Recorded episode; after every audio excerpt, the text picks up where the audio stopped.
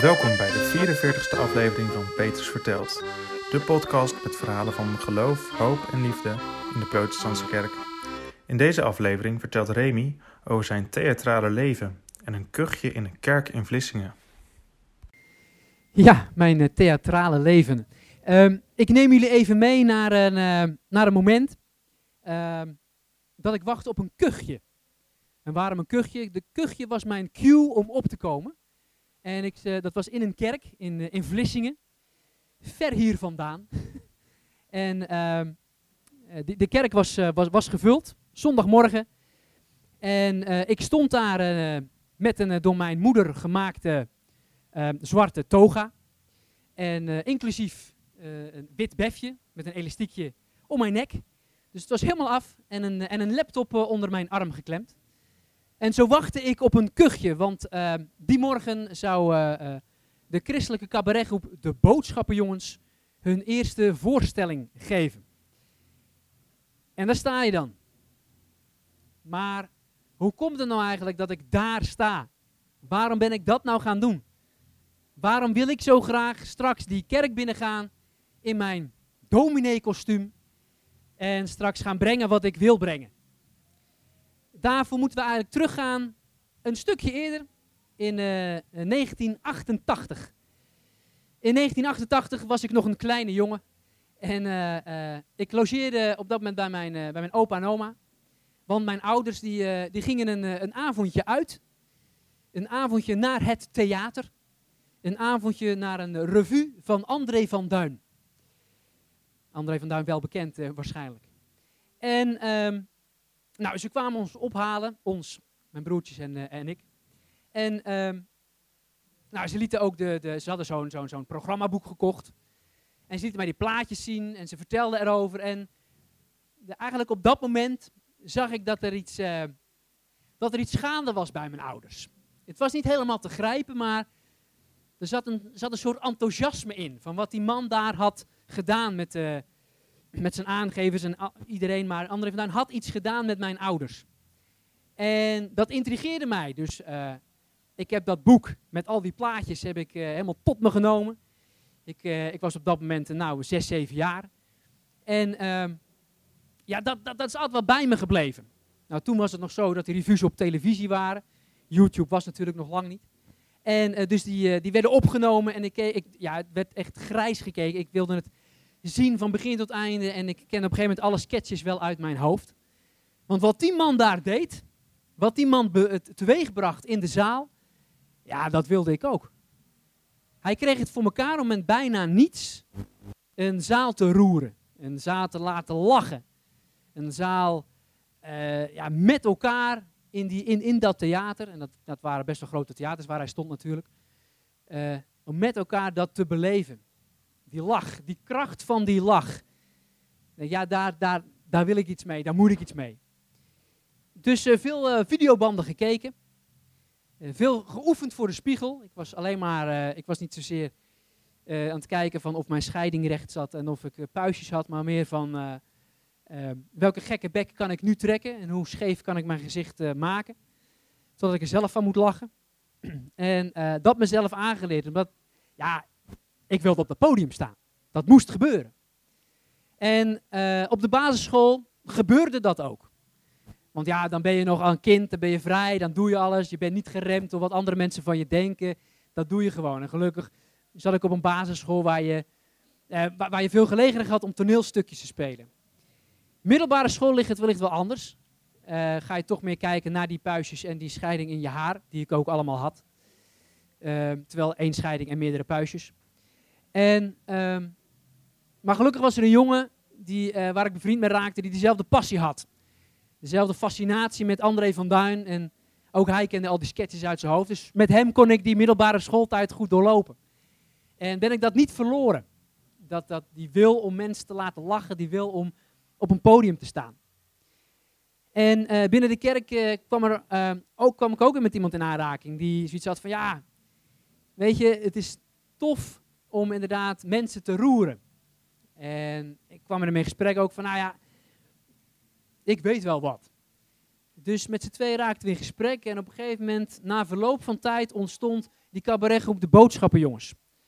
En dan zitten we dus in, nou, 99, 2000. En ja, het is prachtig. Een cabaretgroep, maar dan, De Boodschappenjongens, wat wil je daarmee? Nou, wij dachten groots.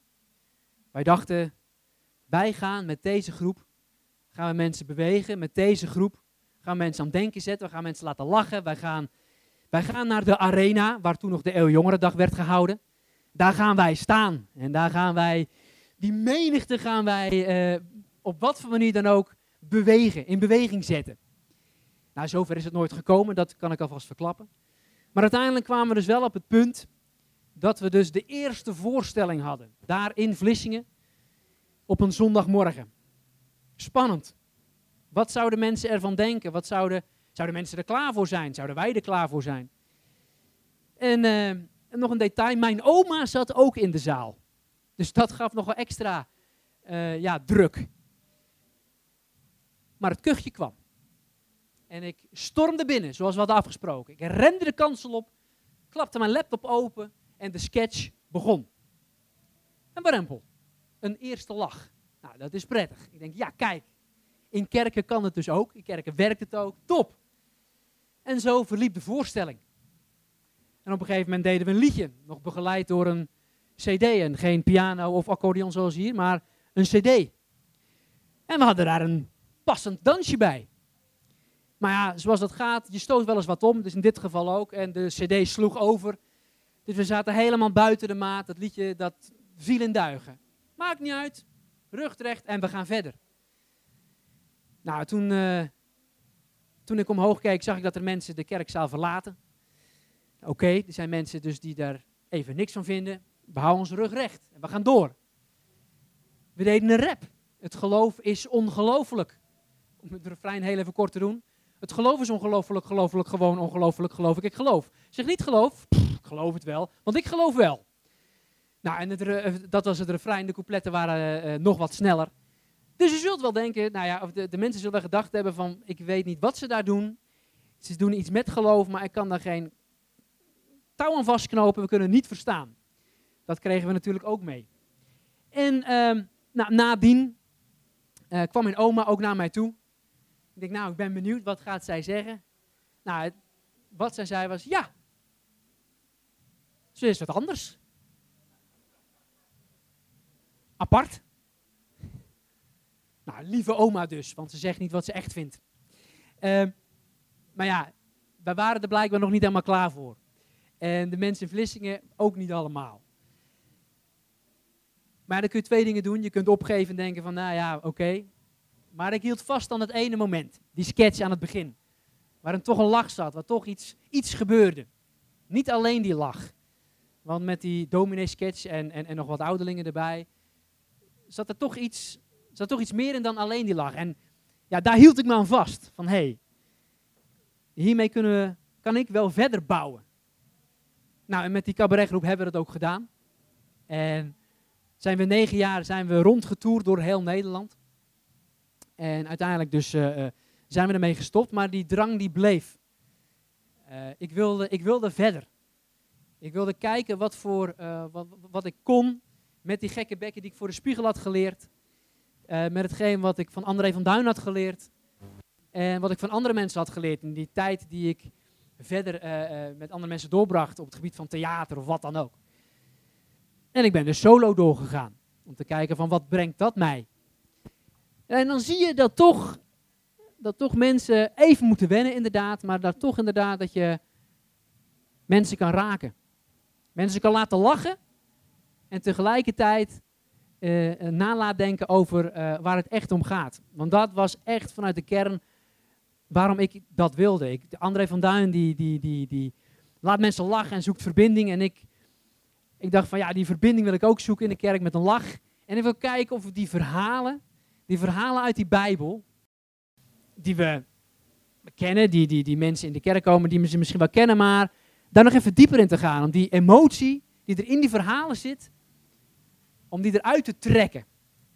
En die met het medium theater uh, terug te geven. Waardoor die verhalen nog meer gaan betekenen uh, voor mezelf en ook voor de ander. En dat ben ik eigenlijk blijven doen met, uh, ja, met, veel, met veel vallen. Maar gelukkig ben ik altijd weer opgestaan. En daar ben ik blij om. Want, want dat is mooi. Ik, uh, heb, uh, ik ben net aangekondigd van, nou, ik heb je net een, een, een workshop voorstelling gegeven. En dan ben ik ook weer blij, blij verrast wat er dan gebeurt. We lachen met elkaar. We zoeken die verbinding op met elkaar. Maar we gaan ook nog een stapje verder. En zoeken verbinding niet alleen met elkaar in die lach, maar ook met jezelf. En, en verbinding met, uh, met God. En dat vind ik zo mooi, omdat ik, ik kan daar ja, ja, uren over praten, is onzin. Maar ik vind het fantastisch om te, om, te doen. En ik haal daar zo ontzettend veel energie uit. Het kost me ook veel energie, want ik ben kapot. net na het uurtje de workshop, ik moest even weer op adem komen om, uh, om, weer om gewoon een verhaal te vertellen, zeg maar. Maar nu ook sta ik weer met, ik, ik merk gewoon dat ik gewoon op en neer wil springen, omdat die energie zo hoog is, dat het zo enorm bij mij ja, zoveel kracht geeft. Omdat, het, omdat ik heb het gevoel dat ik ook in mijn kracht sta. Omdat ik heb het, ik heb het talent gekregen, ook niet voor niets. Dit heb ik gewoon, ja, dat, dat, dat, dat, ja, heb ik gewoon gekregen van God. Zo voel ik dat ook. En ik vind het mooi om dan ook iets, ja, iets terug te geven. En om dat, dat talent te delen met mensen die ik tegenkom. Om me heen, om zo verbinding te zoeken. En ja, dat is, ja, dat is eigenlijk mijn verhaal heel kort. Het is misschien veel korter dan, dan, dan, dan gewend, misschien bij, bij Peters verteld. Maar dat is mijn verhaal. Vanuit die, dat vallen en opstaan.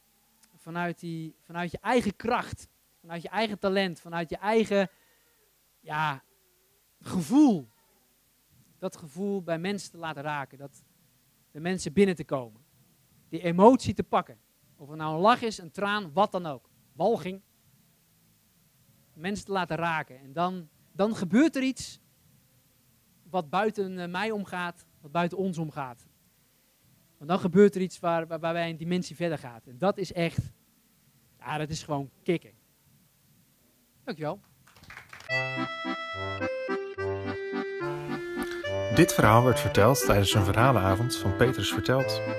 Wilt u ook een keer zo'n verhalenavond bijwonen? Kijk dan op www.petrusverteld.nl